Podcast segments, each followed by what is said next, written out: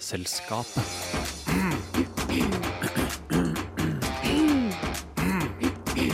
Vitenselskapet. Vi i Vitenselskapet har jo holdt på en stund med å lage populærvitenskapelig radio. Og underveis så har det dukka opp noen spørsmål fra våre lesere som vi gjerne vil svare på. Vitenselskapet svarer leserne.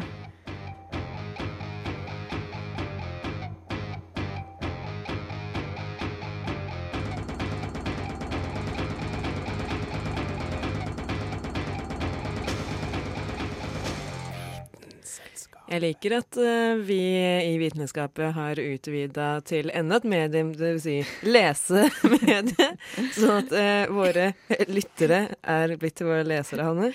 Ja, men vi poster jo Tar du selvkritikk? Jeg tar selvkritikk på den, Uh, men vi Vi er jo på nett også. Vi er på nett også. både på Facebook og på vanlig Internett. internettet. Radionova.no skråstrek vitenskapet. Der finner du oss. Der finner du oss, og der finner du noen ganger nettsaker som vi skriver. Og da er jo leseren, eller lytteren, blitt til en leser, da. Eh, men vi har nok flest uh, lyttere, og det er nok flest av dem som, uh, som er nysgjerrige og har sendt inn spørsmål også. Vi tar det jo noen ganger opp i, i redaksjonsmøtene. Kaster rundt på ideer. Det er ikke alle ideene som når helt opp. Eh, så det er greit å samle sammen litt eh, også. Eh, masse morsomt som eh, folk lurer på. Så da kjører vi kanskje i gang med sendinga der jeg, Hanne Grydeland, og du Kristin Grydland. og Sunniva Blix. svarer på spørsmål. Du hører på Vitenselskapet. Vitenselskapet. Vitenselskap. Vitenselskapet. Vitenselskapet. Vitenselskapet. Ja, det glemte jeg å si. Hvis det er noe dere lyttere lurer på, eh, som det ikke blir besvart i den sendinga her, eh, så må dere gjerne sende oss spørsmål. Det enkleste er nok å skrive til oss på Facebook. Vi heter Vitenselskapet der. Eh, eller eh, bare huk tak i oss eh, hvis dere vet eh, hvordan vi eh, ser ut, da. Oi, hva var det for noe? Jeg vet ikke. Det Oi, det er jo en due! Uh, Jeg må slippe den inn, da. Ja, OK. Den vil jo åpenbart inn. Der Hei, lille due. Du var jo søt. Oi, Oi, uh. Eh, Rolig. Jeg veit ikke helt om det er lov å ha duer inne i studioet her. Nei, eh, jeg er litt uh, at den kommer bort hit. Den prøver å si noe. Den prøver å si noe. Ja, men det Har Jimmy falt ned i brønnen? Et etisk forsvarlig, egentlig. Kanskje vi bare slipper den ut igjen? Jeg vet ikke. Jeg vet ikke hva Mattilsynet sier om det her. Eller, Nei. men uh, den har en sånn liten papirlapp rundt foten, jo. Oi, er det en brevdue? Skal vi se hva det står. Ja. Hei, Vitenselskapet. Jeg lurer på hvordan brevduer fungerer. Takk for at dere svarer på spørsmålet mitt i sendinga. Hilsen ivrig lytter. Fint spørsmål, men man skulle tro at eh, de som sender et brev via brevdue, kanskje veit hvordan brevdue fungerer. Det, det, det. Men kanskje de bare er veldig interessert i brevduer og vil at flere skal få vite om det. Eller kanskje at det er en sånn catering service, at det er liksom type posten, bare brevduer, så du vet ikke egentlig hvordan det funker. Ja. Kanskje det er noen som markedsfører en ny tjeneste? Eller Vi må passe oss nå for at vi ikke blir sånn ufrivillige sponsorpersoner. Ja, det er sant. Vi, um... Vi er jo en ikke-kommersiell radio. Vi holder oss til det faglige. Um, og helt tilfeldigvis uh, så vet jo jeg litt om uh, brevduer. Uh, og dere legger merke, kanskje merke til at en brevdue her er litt større enn Eller ser ut som en vanlig by, bydue, men er litt større. Ja. Eh, og brevduer kan faktisk bli opptil 400 gram. Men er det fordi at de får på en måte mat eh, mer regelmessig enn byduer, eller er det en annen art? Eh, Det er en annen art eh, som er blitt kryssa fram i Um, altså Brevduer har jo vært i bruk eh, veldig, veldig veldig lenge. Men eh, for noen hundre år siden så kryssa de fram en ny art i eh, Nederland og Belgia. Som eh, skal være veldig eh, spesielt godt egna til å fly eh, både over lange avstander, fly raskt og finne veien hjem. Og det siste er jo det som er helt essensielt i en eh, brevdues liv. Um, Ja, for hvordan er det egentlig det fungerer? Er det sånn du hvisker til brevduen, fly til Radio Nova, og så gjør den det? Nei, eh, og det er jo fint du spør, Kristin, for det er jo en kjent eh, en misoppfatning. Folk tror at brevduer kan fly til steder, men egentlig så kan de bare finne veien hjem. Så hvis en brevdue skal funke, så må du først etablere hjemmet dens, og så må du frakte den av sted til et eller annet sted du vil ha en beskjed fra, da. Eh, og så slipper de den, og da flyr den hjem til deg med beskjeden. Men Så tungvint, egentlig. Er Ja. ikke det litt tungvint? Eh, det er litt tungvint, og det Spørsmålet reiser seg, på å si, eh, om eh, har Chateauneuf Chateau Neuf eh, en eh, Det var akkurat det jeg tenkte på. Chateau Neuf har jo åpenbart en forening som driver med brevduer, siden den dua kom seg hit. I hvert fall en eller annen spes fyr Ja, på bygget. Ja, må jo åpenbart eh, være noe sånt noe. eh, siden den brevdua her eh, fant veien hjem, da, med beskjeden. Men hvordan klarte den å finne veien hjem? Hvordan visste den hvilken vei det var? Nei, det er faktisk så er ikke forskerne helt sikre. Um, det er litt ulike typer teorier. Én teori er, eller en ganske sånn utbredt uh, oppfatning, er at den navigerer ut fra jordas magnetfelt. Uh, fordi man har funnet både um, sånne magnetiske Små magnetiske partikler i nebbet. I hvert fall har noen amerikanske forskere sagt at de har funnet det. Eh, og så har man funnet eh, magnetitt i hjernen til eh, brevduer. Og magnetitt er et mineralsk materiale. Så man tror at det bidrar til at de på en måte kan kjenne igjen jordas magnetisme da, på det stedet som er hjemme. Og navigere etter det. Og så i tillegg så har de em, godt syn. Sånn at de kan orientere seg ved hjelp av landemerker, f.eks. Eh, og det her ble faktisk gjort et forsøk på i England. I ti år så fulgte en engelsk forsker brevduene eh, ved å sette sånne små ryggsekker med GPS-sporingsapparat eh, på ryggen til duene. Og så fulgte han veien deres hjem. Og de første gangene så fløy de på en måte i rett luftlinje for å komme seg hjem, men etter hvert så begynte de å følge fly over strømlinjer og jernbanenett. Og man fant til og med at noen ganger så fløy de over en rundkjøring, og så på en måte svingte de av ved riktig avkjørsel, da. Som de etter hvert begynte å tro at de var en slags bil? Eh, ja, kanskje en flyvende bil. Ja. Kanskje det er fremtiden, at vi skal bare gro fram kjempesvære duer og bruke Ja. de til det? Å, det hadde jo vært fantastisk. Ja, Det er sant, i hvert fall. Så det er jo kjempekult med, med brevduer, men i dag så bruker man jo ikke brevduer til å frakte beskjed lenger. Eh, så det brevduer brukes til i dag, er sånn kappflyvninger, da, som man kaller det. Eh, og da kjører man da duene ut opptil 1200 km fra hjemmet sitt.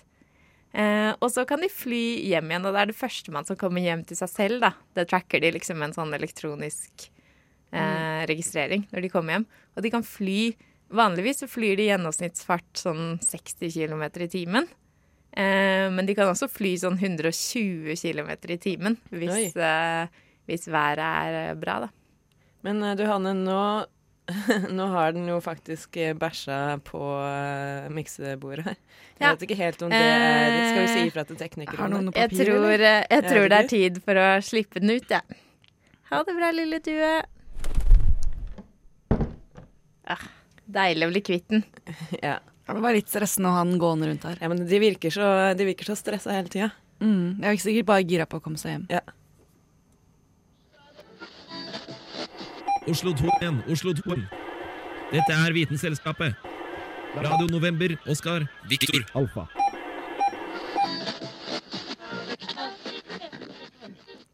Eh, ja, da skal jeg ta et spørsmål som en av våre lyttere har sendt inn. Eh, og, det er, eh, og det er egentlig litt aktuelt for oss som har med lyd å gjøre. Det er hvordan fungerer støydempende hodetelefoner? Eh, og da regner jeg med at de mener sånne som går på batteri, da, og ikke bare sånne vanlige hodetelefoner med litt sånn ekstra polstring. Ja, Eh. sånn som du tar på deg, og så blir det på en måte Ja, så blir det helt, helt stille. stille. Ja, det er jeg. Sånne eh, Ja. telefoner. Ikke noe markedsføring. Å nei, jeg mener Nei. jeg har, jeg har noen sånne som med batteri. ja vi, kan, eh, vi kan legge på en sånn pip over Ja. eh, etterpå. Det bør pipes bort. Mm. Pipes. Eh, jo, nei, men eh, dette her er jo blitt mer og mer vanlig, og det er jo veldig behagelig, f.eks. når man er på fly og sånt. Eh, eller steder hvor det er generelt eh, bråk. Og det er jo det de er lagd for. Eh, de er jo lagd for eh, å kansellere ut støy fra fly og sånt. Eh, og slik det fungerer, er at de har faktisk en eh, liten eh, mikrofon eh, ytterst på eh, liksom eh, klokka, da på hodetelefonen, som tar opp lyden rundt. Og så analyseres denne lyden, eller de bølgene, og så sendes det ut en, en bølge til. Som er akkurat den samme som, som eh, lydbølgene til den som kommer inn, bare motsatt. Og dette eh, kalles interferens, eller destruktiv interferens. Og det, egentlig, det betyr egentlig bare at to bølger utjevner hverandre, da. Og jeg har alltid syntes at det høres litt rart ut.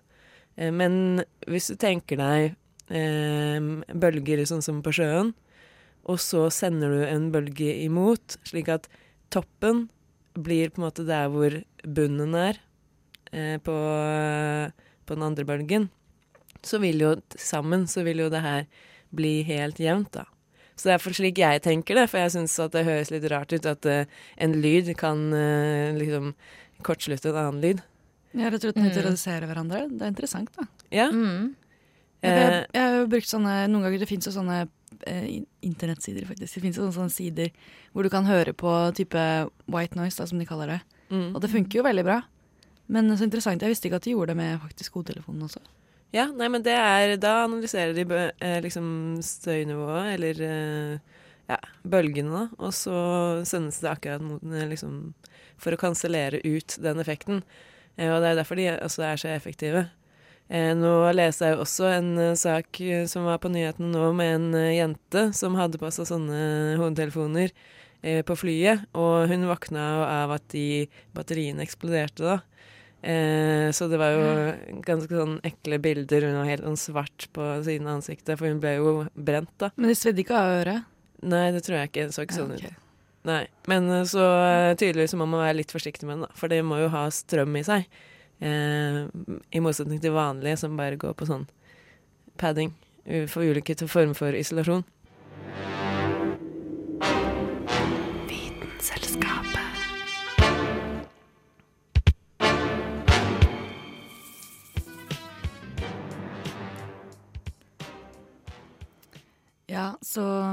Jeg er jo litt, kanskje i over, litt over gjennomsnittet interessert i ting som skjer på, i celler, da. Eh, så jeg syns jo at det er veldig spennende med eksempel ja, hva er, hva, hvordan funker egentlig gassutveksling i røde blodceller? Og det er noe jeg ofte får spørsmål om, i og med at jeg studerer biologi. Sånn, ja, men hvordan funker det egentlig, og hvordan gjør man Er det noe du ofte får spørsmål om? Er det Ja, læreren din som spør om det? Kanskje, ja, ja, læreren min spør om det, jeg har mye spurt om det, så jeg har pugga mye om det. Det har jeg. Men uh, noen ganger så får jeg sånn spørsmål sånn Ja, men hva er egentlig greia med celler, eller hva er greia? Og det er jo så mange utrolig ulike typer celler. Det er jo først og viktig å på en måte poengtere. Men uh, det jeg tenkte jeg skulle fortelle litt om, da, det var jo da hvordan gassutveksling funker i røde blodceller. Um, som de fleste av oss vet, så er jo gasstransport en av de viktigste oppgavene til blodceller i virveldyr eller vertebrater, som er oss. Er det sånn som oksygen sånn, da? Ja, det er det, nettopp, nettopp dette med å utveksle oksygen med CO2. Um, og den vanligste typen blodceller er jo erytocytter, hvis det er på norsk, da. Erythrocytes på engelsk. Som uh, Disse cellene er ganske runde, og de ligner litt på sånn donuts, egentlig. Ganske flate og ligner litt på donuts. De, eller smultringer, da. Um, og de består i all hovedsak da av um, hemoglobin og myoglobin. Um, men mye av greia, eller mye av grunnen til at vi puster, da, er jo nettopp fordi musklene er avhengig av oksygen som et ledd i denne forbrenningsprosessen i cellelandingen. da. Men den uunngåelige konsekvensen av dette er jo at eh, celleåndingen produserer CO2, som er et avfallsstoff, og det må jo transporteres ut. Så oksygenet det tas opp av hemoglobinet i blodcellene i, fra alveolene. Som alveolene er sånn i lungene. Dette er sånne De ligner litt på drueklaser, egentlig. Det er sånne små eh, Det kalles luftblærer, da. Som er i eh, veldig, veldig veldig små i lungene. Helt ytterst i lungene. Så du kan tenke deg på en måte en masse drueklaser, rett og slett. Ja, det høres ekkelt ut. Ja, det er ganske ekkelt, egentlig. Det er, ganske sånn, de gjør, de gjør, det er helt sånn der, eh, sampete. Eh, veldig, jeg har kjent på det, faktisk. Jeg har tatt på det ganske Så det er ikke druekonsistens. Dessverre ikke, eller kanskje ikke dessverre heller, men de er, det er liksom hele konsistensen. Jeg vet ikke om dere noen gang har tatt på en lunge. Det er kanskje ikke så vanlig at man tar på lunger. Eh, men eh, da, det kjennes litt som en sånn du, du tar på en svamp, bare at det ikke er så mye hull, da. Mm. Um, men um, et hemoglobinmolekyl det kan nemlig binde seg til fire oksygenmolekyler om gangen. eh, og ca. 95% av eh, oksygenet som diffunderes, som det kalles, fra alvolene, eh, de blir tatt opp der. Ehm, men som nevnt så er jo CO2 et avfallsstoff. Men i mitokondriene, som er de organellene som genererer egentlig mesteparten av cellen, cellenes energiforsyning, så det kalles ATP. Så det er, måte, det er, hvordan vi får energi, er gjennom forbrenning, selvfølgelig, men det, hvordan forbrenning egentlig funker, er jo det at det, at det frigjør energi som gjør at vi kan måtte bevege oss og gjøre hva som helst, egentlig. At vi kan gjøre noe som helst. Av CO2 som slippes ut, så løses en liten del opp i plasmaen og blir til sånn, noe som kalles karbonsyre, som videre sånn disassosieres, eh, som det så fint kalles, til hydrogenioner. Eh, men når vi trekker pusten, så måte strømmer jo luften med oksygen i lungene, og det er der måte, de fraktes videre. da. Og det er veldig viktig at vi selvfølgelig gjør det. Ok, så når vi puster inn nå, så eh, går det ut i de små boblene, eller druene, ytterst i lungene, og så eh, gis det fra de druene over til eh, blodcellene. Ja, til disse donutene egentlig, som da frakter det videre rundt i hele kroppen. Um, for eksempel til da alle ulike vev, egentlig. Og der i disse vevene, det er her egentlig ting skjer, da. Da er det jo selvfølgelig CO2 som trengs å tas opp igjen. Eh, CO2 som er bra blitt CO2 er egentlig ikke giftig. Det er mer det at hvis du det tar opp plassen det tar, mer, det tar opp plassen til oksygenet. Og hvis måte, det tar opp plassen til oksygenet, så blir du etter hvert ikke forgifta, men du vil ha veldig stor vanske Eller altså, du kan ikke egentlig fortsette de kjemiske prosessene da, i kroppen. Um, så det må jo derfor tas opp. Det kalles dissosialisering, hvor da hemoglobinet slipper oksygenet og tar heller opp CO2-en, da. Ja, så, mm. så det blodet vil egentlig helst ta opp CO2. Eh, så den kommer til liksom vev, og så eh, ser den uh, her var det CO2, det vil jeg ha. Eh, men eh, OK, jeg har faktisk eh, oksygen på meg. Jeg må bare slippe det av her, rett i gata, liksom. Ja, og så, eh, ofte så konverteres veldig mye av den CO2-en til andre ulike stoffer, da, som for å på en måte Som da Enten så blir de tatt opp igjen, og så blir de sendt tilbake. Og så resirkuleres det egentlig. Det er, men det er veldig interessant. Så sånn funker gassutveksling i cellene. Ja, veldig veldig kort og veldig veldig enkelt fortalt, så er det sånn cirka sånn det funker. Det vet Vitenselskapet.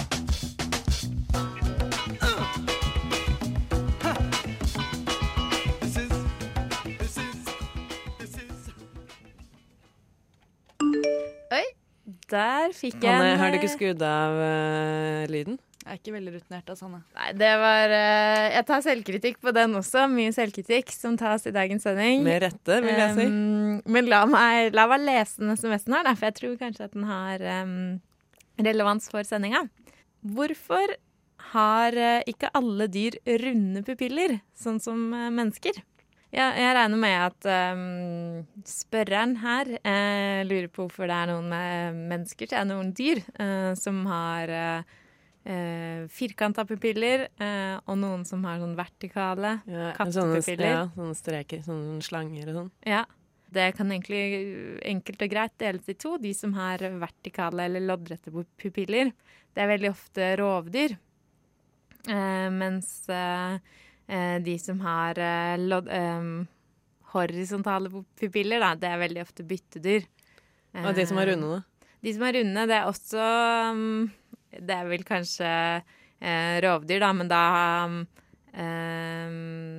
Da er de litt Da jakter de på dagen Um, eller de, de, jakter ved å løpe etter byttet sitt istedenfor å ligge i bakholdsangrep, som ofte er de rovdyrene som har vertikale pupiller. da. Sånn som katter eh, og rever, de ligger ofte eller de ligger jo, katter i hvert fall, ligger ofte i bakhold og venter på bytte. Og da er det en veldig stor fordel å ha disse vertikale pupillene. Hvorfor det? Um, fordi forskerne mener at det gjør det enklere å beregne dybde, altså avstand til byttet, uten å trenge å bevege hodet. Fordi hvis katten beveger hodet, så løper jo uh, musa uh, vekk. Ja. Uh, da avslører katten seg. Så det er en veldig fordel, i tillegg til at kattens pupiller lar katten justere lysmengden den får inn på øyet, med 135 ganger. så den kan, mens vi mennesker bare kan få sånn 10-15 ganger mer lys, Eh, så kan katten få 135 ganger mer lys, og det gjør den mye, mye bedre egnet til å se i mørket, da. Eh, så, så det sier at hvis vi mennesker hadde hatt eh, vertikale pupiller, så hadde vi også kanskje kunnet se til lyset? Nei, mør i mørket? Ja, vi hadde kanskje kunnet sett, uh, sett litt bedre. Um, ikke helt sikkert. Det går jo noe på at det er lettere å regulere lysmengden, da, i hvert fall. Uh, og så har uh, disse dyrene har veldig ofte øynene foran på hodet. Mens uh, hvis man ser sånn som geiter, da, eller sauer, klovdyr eller hovdyr, som, som ofte er byttedyr, de har i de aller fleste tilfellene øynene på siden av hodet. Ja, For å se at faren kommer? Ja, og nettopp det å se at faren kommer, er kjempeviktig for dem. Og også noe av grunnen til at eh, pupillene deres er langstrakte langs horisonten. Sånn at de får et mye større synsfelt. De kan ja. se den rundt nesten hele seg. Um, og eh, i tillegg så gir det dem bedre uh, hva skal jeg si eh, bildekvaliteten langs på det, det de ser langs bakken. Eh, den er bedre da, når de skal flykte av sted, f.eks. Ja, det er sikkert også veldig bra, siden de ofte spiser gress, så da må de se hva de spiser. Uh, ja, jeg vet ikke om det helt går på det, eller om det går på sånn endringer i terrenget, f.eks. Ja, OK. Men la meg ha drømmene mine, da. da skal jeg ikke si noe mer, eh, Kristin. Uh, men vi kan vel anse spørsmålet som besvart. Sunniva, du har lagd en sak om et uh, veldig viktig spørsmål. Ja, nei, det er litt eh, om eh, Kan man egentlig kjøpe eh, lykke for penger?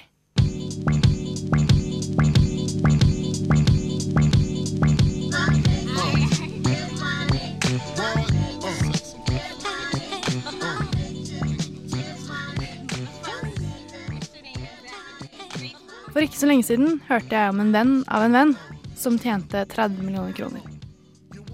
Han var 20 år gammel først. Det er jo en forskjell på å tjene 30 millioner kroner og å få 30 millioner kroner. Men jeg mener, hadde jeg plutselig fått 30 millioner kroner, hva ville jeg gjort med livet mitt da? Jeg hadde ikke tenkt å jobbe.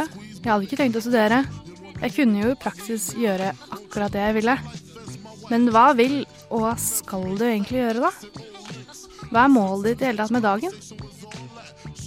Mens vennene dine går på jobb eller nileser pensum mens de forsøker å skrive en oppgave de strengt tatt skulle levert forrige måned, er du da plutselig tvunget til å face de viktigste, kanskje eksistensielle spørsmålene de fleste av oss prøver å unngå, kanskje skyve unna eller utsette å tenke på, nemlig hva er meningen med livet?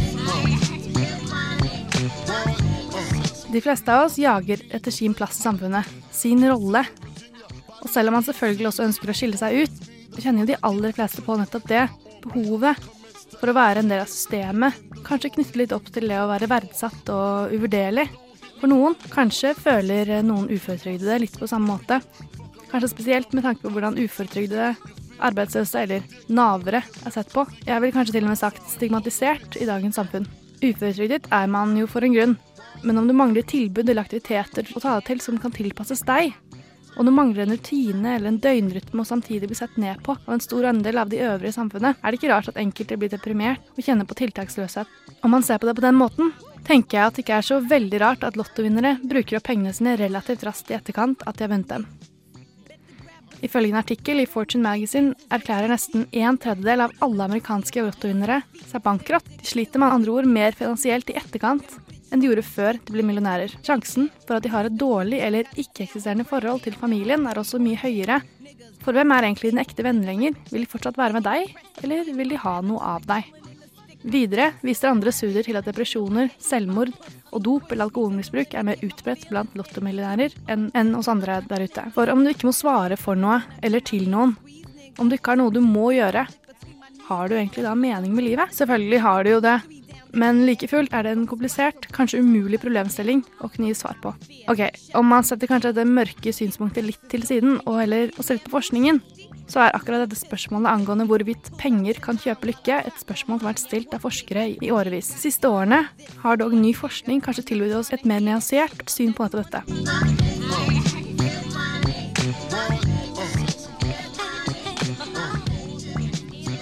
Ok, Du trenger kanskje ikke en forsker til å fortelle deg at de som har høyere inntekter, generelt er lykkeligere. Men som vi allerede har snakket om, så garanterer jo ikke det for et godt liv. Nei, det handler mer om hvordan du bruker pengene dine. Mange lottovinnere og milliardærer bruker pengene sine på ting som for oss andre kanskje virker unødvendige eller fullstendig absurde. En lottovinner kjøpte f.eks. sin egen vannpark.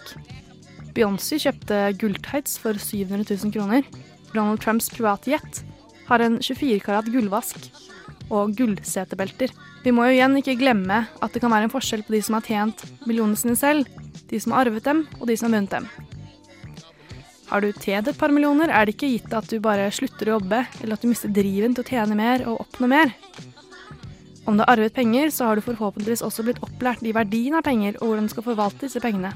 Har du vunnet penger, kan det jo like så godt være at den lottokupongen var den første lottokupongen du noensinne har kjøpt, at du var, eller kanskje fremdeles er, spilleavhengig. Kanskje fortsetter du med ditt sedvanlige liv, kanskje tar du en helomvending. Men det forskerne i en årrekke har ment, er at de fleste av oss generelt får mer ut av å bruke penger på opplevelser framfor materialistiske ting. Likevel prioriterer majoriteten å kjøpe ting.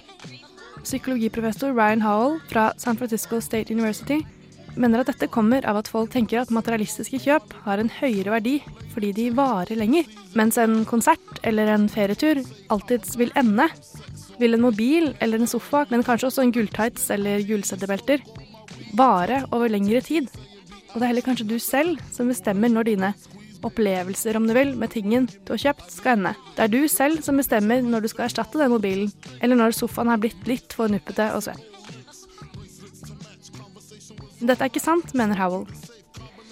Selv om folk tenker at opplevelser som er ikke-håndgripelige, kun tilbyr midlertidig lykke, vil de faktisk i det lange løp gi deg mer glede og ha en mer langvarig verdi. Selv om du kanskje vil ha ting over tid, om du velger å kjøpe noe framfor en opplevelse, vil det ikke være det samme.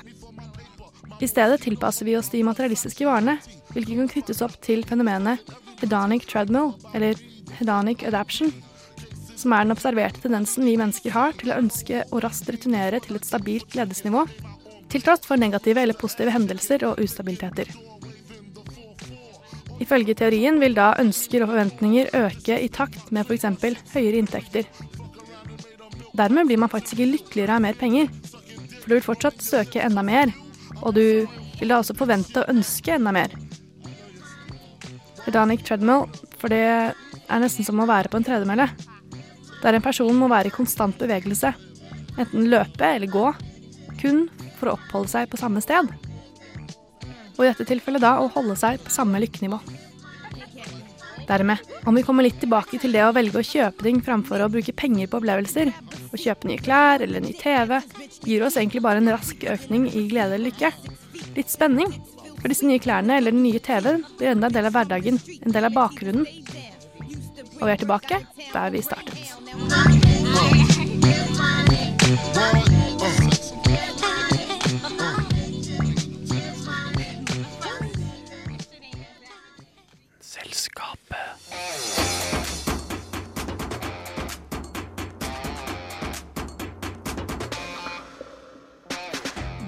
Rakk vi å svare på noen av spørsmålene som har kommet inn fra lytterne våre. Det var veldig interessant. De som var med i sendinga i dag, var Kristin Grydland. Sunniva Blix. Og jeg er Hanne Grydland. Du har hørt på Vitenselskapet, og hvis dere har noen spørsmål, ikke nøl med å sende dem inn. Facebook er eh, stedet. Eh, Så tar vi opp eh, til vurdering om vi skal snakke om det dere spør om. Til neste gang, vi snakkes.